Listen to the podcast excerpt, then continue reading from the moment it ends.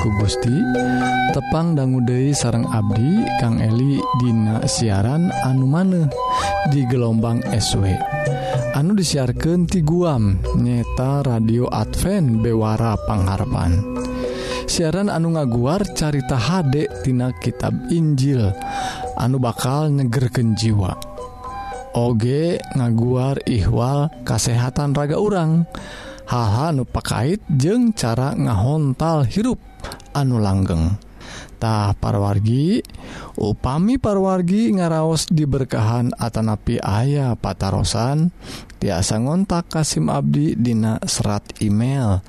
Nyeta alamatna Bewara pengharpan@ gmail.com atau tiasa ngontak karena nomor HP atau wa 08 hiji salapan hiji salapan 2275 hiji 8tah SIMkuring oge nawisan perwargi bilih kersa ngaos bahan bacaan rohani tiasa dikintunanku Abdi.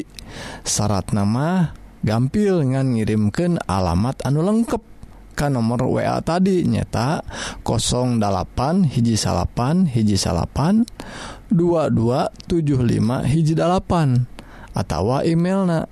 Nyata dina alamat bewara pangharpan@ gmail.com Mugia para wargi urang tiasa saling nguatkan dina nandangan hirup anu campuh ku hal-hal duniawi. Mugi urang tiasa ngengingken hirup anu pinuh ku katentreman dilebet Isa Almasih nu kawasa di dunia jeung di akhirat. mangga parwargi urang sami-sami ngadangguken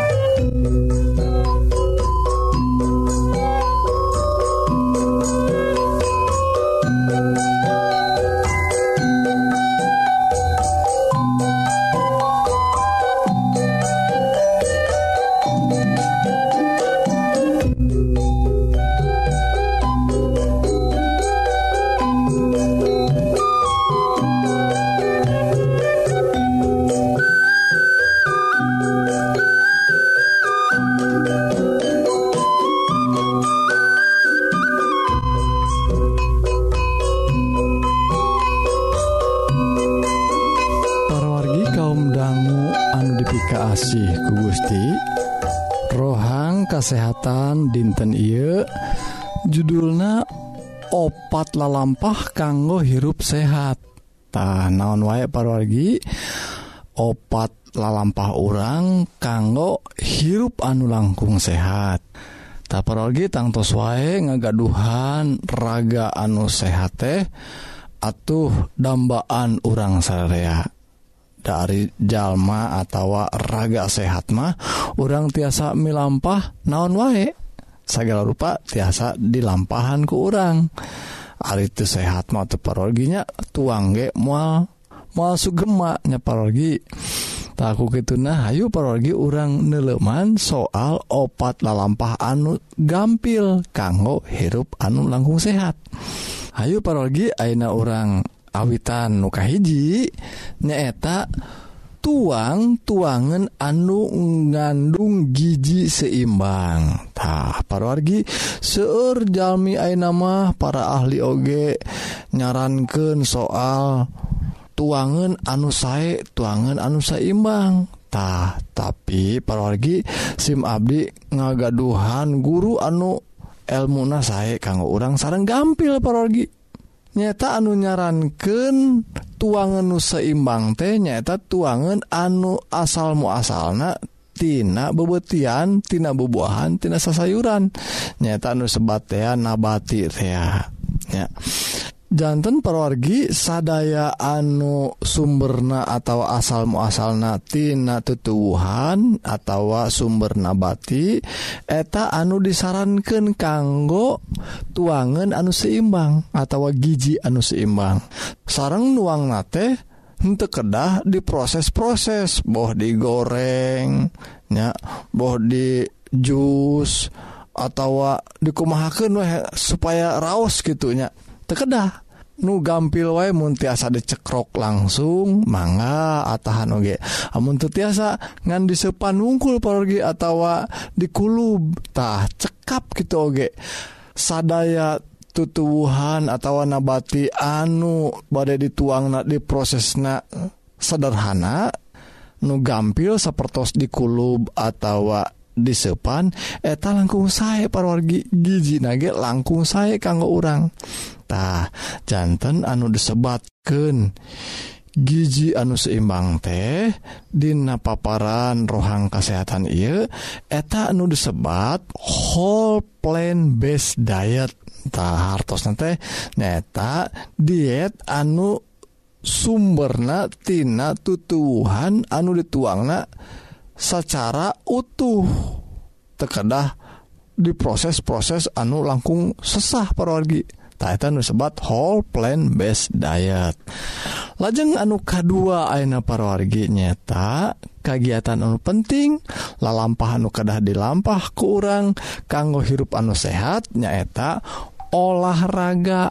Tak naon olahraga anu teratur teh cik parorgi nyata kegiatan olahraga boh segala rupa gerakan oge salosnate eta anu kasebat olahraga.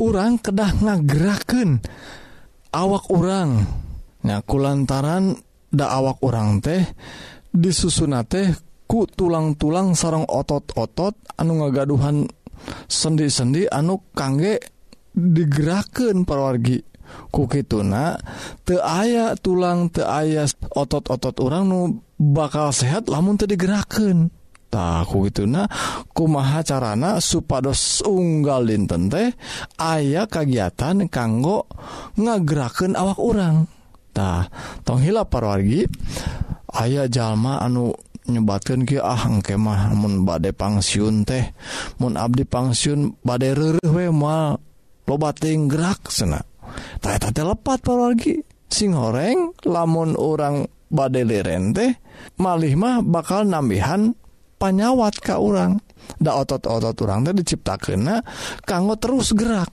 Ta, entong hoyong liren entong hoyong pangsiun tina gerak badan.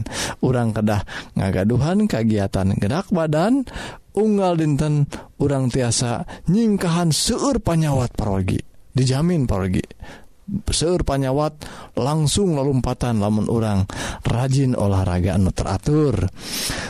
Tak apalaginya sakedah nama paling sakedik tilu kali wae masa minggu uh, eh, olahraga supados orang tiasa gaduhan ragaan langkung sehat. Lajeng enak pergi anu katilu anu katilu nyata nyingkahan tuangan tuangan anu ngagaduhan lemak anu tinggi. Ta ruina pergi tuangan anu ngagaduhan lemak anu seur kol eh, uh, lemak nate sok ngagaduhan lemak anu sebat kolesterol teh ah, pargitah eta teh Mineng narempel dinap Dina pembuluh pembuluh darah orang duwiken Ka pembuluh darah orang teh makin lami teh pergi makin ngaalitan nyempitan pergi tahu gitu nasok ngadadak engkena teh panyawat boh aya panyawat.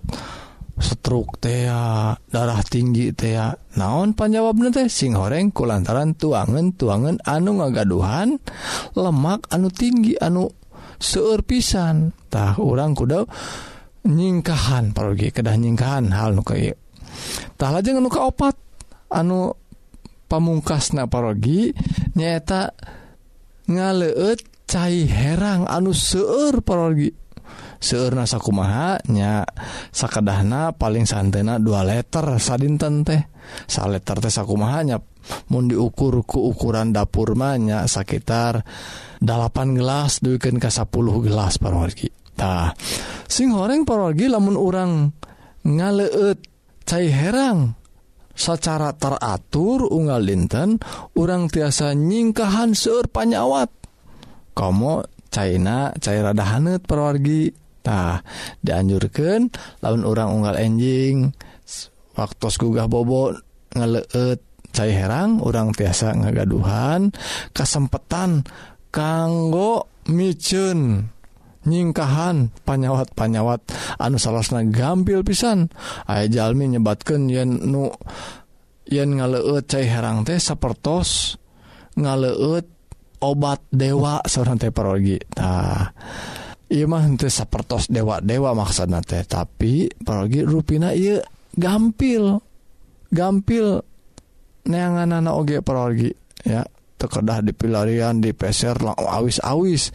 Tekedah di bumbuan tekedah di bereman tekedah di entehan. Cai herang bakal nyingkahan seueur panyawat. Tah itu nah ayo parogi urang merakteken pola hirup anu sehat ku ngalampahkan opat rupa opat dalampah kanggo hirup sehat. Mugi Gusti ngaberkah amin.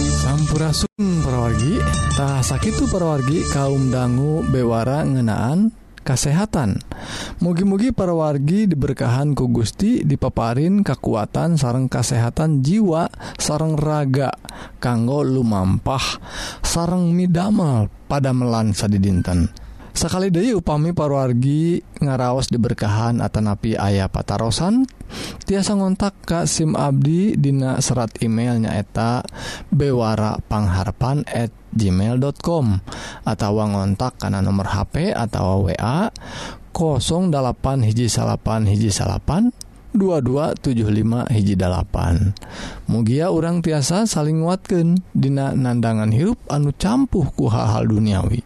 Mugia orang tiasa ngenginkan hirup anu pinuh ku katentreman di lebet Isa Almasih nu kawasa di dunia jeung akhirat. Salah jengak parwargi Hayu atuh kaum dangu orang sadaya terasken kana rohang rohani anu bade ngaguar pengajaran kanggo bawaun kahirup di akhirat nu unggelnatina kitab suci Sumangga wilujeng ngadangmuken.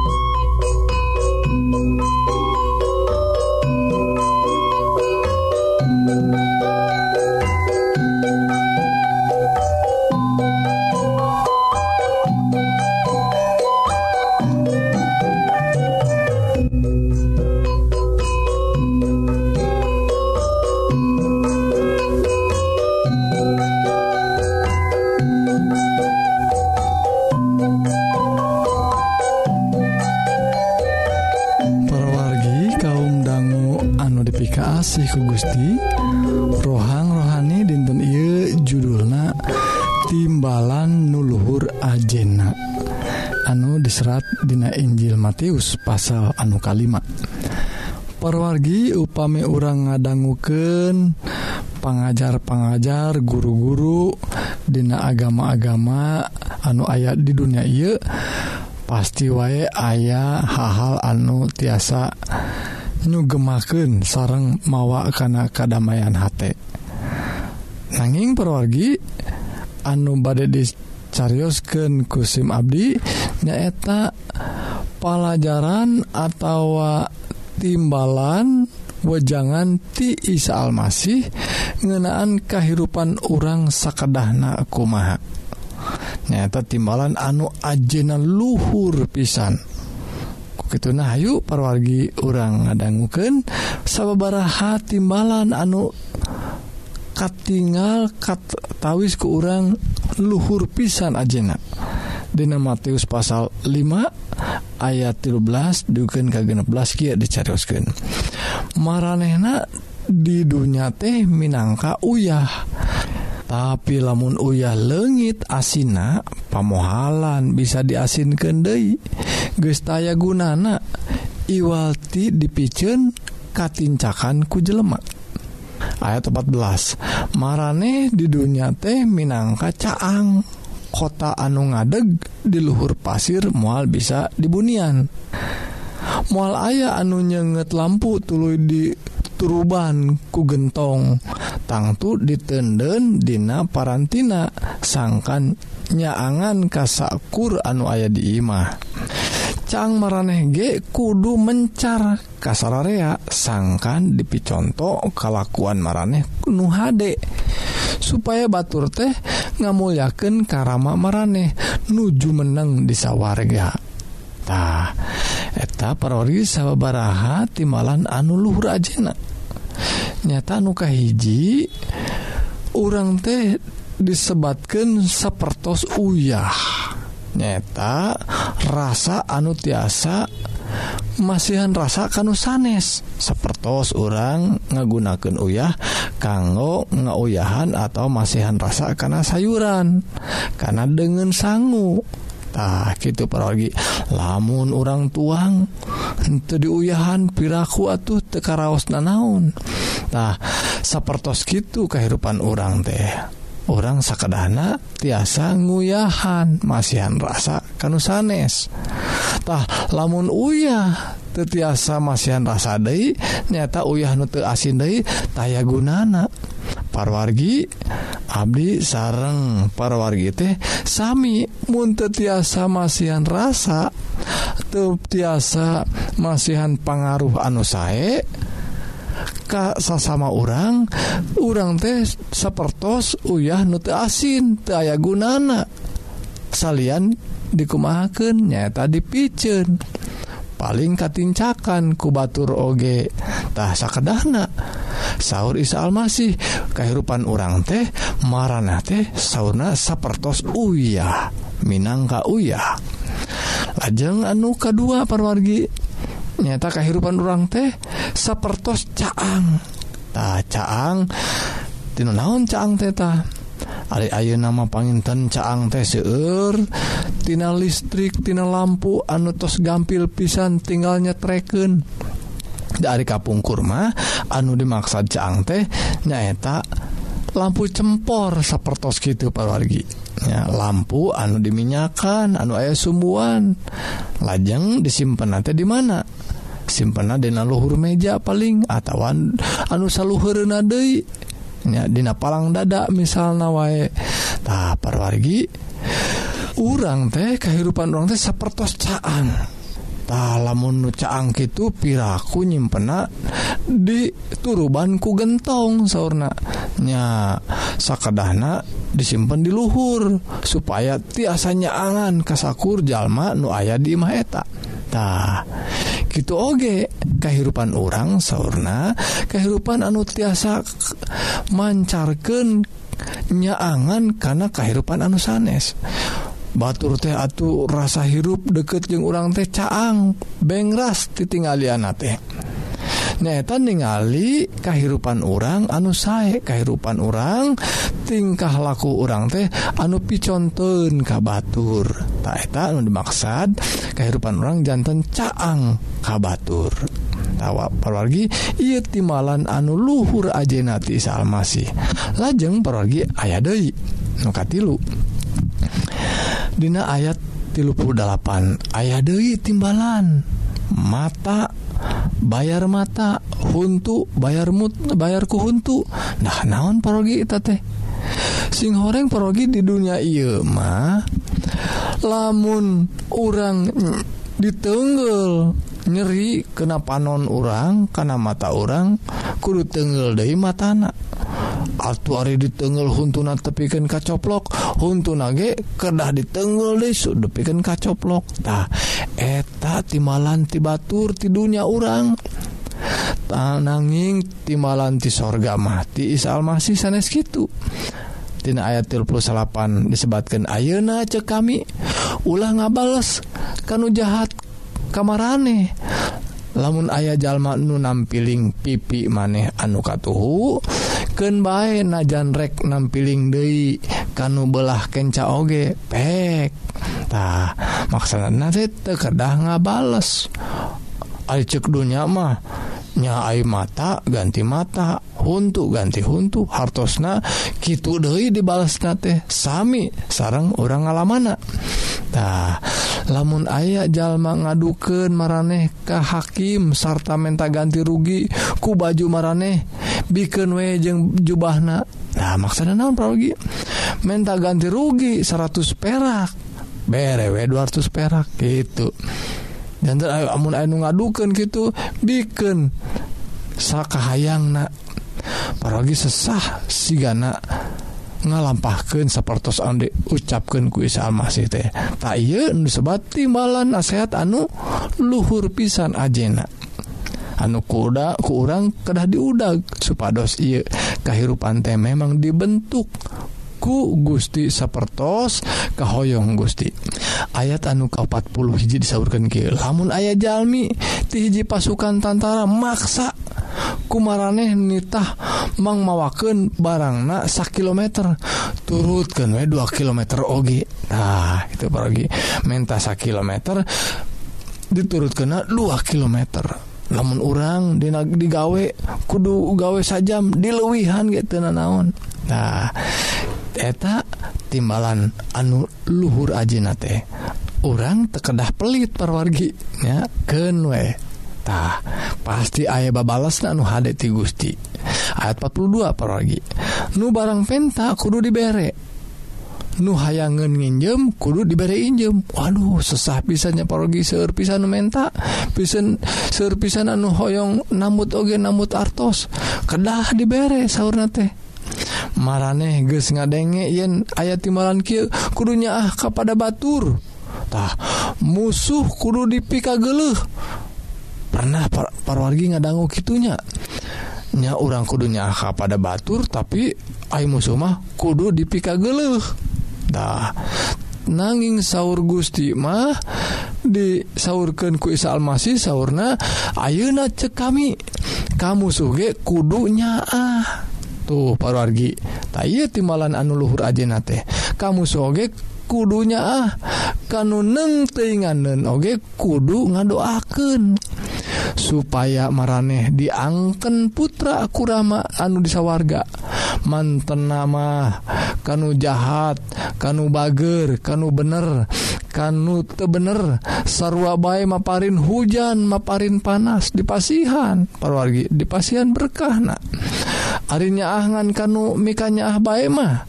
atuh lampah maraneh teh naon anu pantas dibales naku Pangeran. Gitu disaurkan ku Gusti Dina ayat 40 genep. Nyaah kanunya ahun mah tukang mulung pajak oge bisaun sena osok gitu ngalampah kena Daek someah kabebaturan wungkul mah naon luar biasana. Biasa wae eta mah. Nute nyarahun ke ge semet gitu mah geus bisa. tahan luhur ajenang nyatanyaah Ka musuh urang. Anu panungtung perorgi disebabkan dina ayat 48 maraneh mah kudusing sampurna. Saku maharama maraneh nu disawarge sampurna. Tak parorgi mugi-mugi ia dauhan Gusti anu singket dauhan Gusti anu maparin ka urang nyeta nasehat atau timbalan anu ajena luhur pisan. Mugi danten berkah karena tumuwuhna iman orang Gusti nga berkahan Ayo orang nga doa Nun Gusti Ramanu disawarga. Rebu Nuhun syukur Ka Gusti Numaparin ke Abdi sadaya roh suci anu tiasa mukaken H Abdi nampi dauhan Gusti Ieu supados Abdi sadaya tiasa milampah hirup milampah hirup anu Dina jalan-jalan Gusti sapertos disaurkanku dauhan Gusti. Mugi Yepi doa dijabah ku Gusti pulantaran Yepi doa disangaken Dina asmana Isa Almasih juru salamet dunya amin.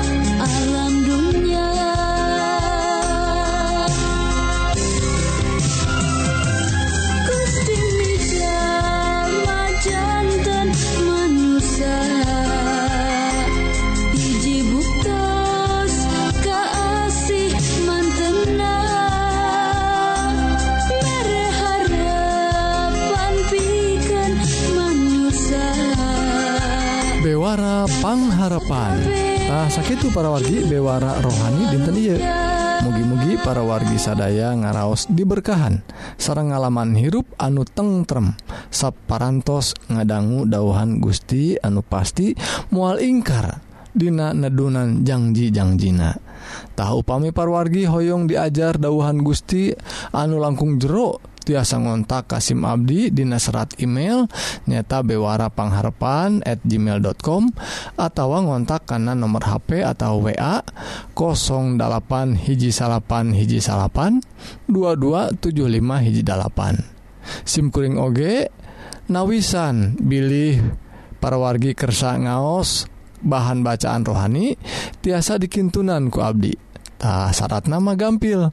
Ngan ngintunkan alamat anu lengkap ke nomor WA anu tadi 08 hiji salapan hiji salapan 2275 hiji dalapan atau alamat email bewara pangharpan at gmail.com Mugia para wargi tiasa saling nguatkan dina nandangan hirup dan anu campuh ku hal-hal duniawi mugi urang tiasa ngengingkeun hirup anu pinuh ku katentreman di lebet Isa Almasih nu kawasa di dunia jeung di akhirat Pidu abdi mugia Gusti ngaberkahan ka urang sadaya.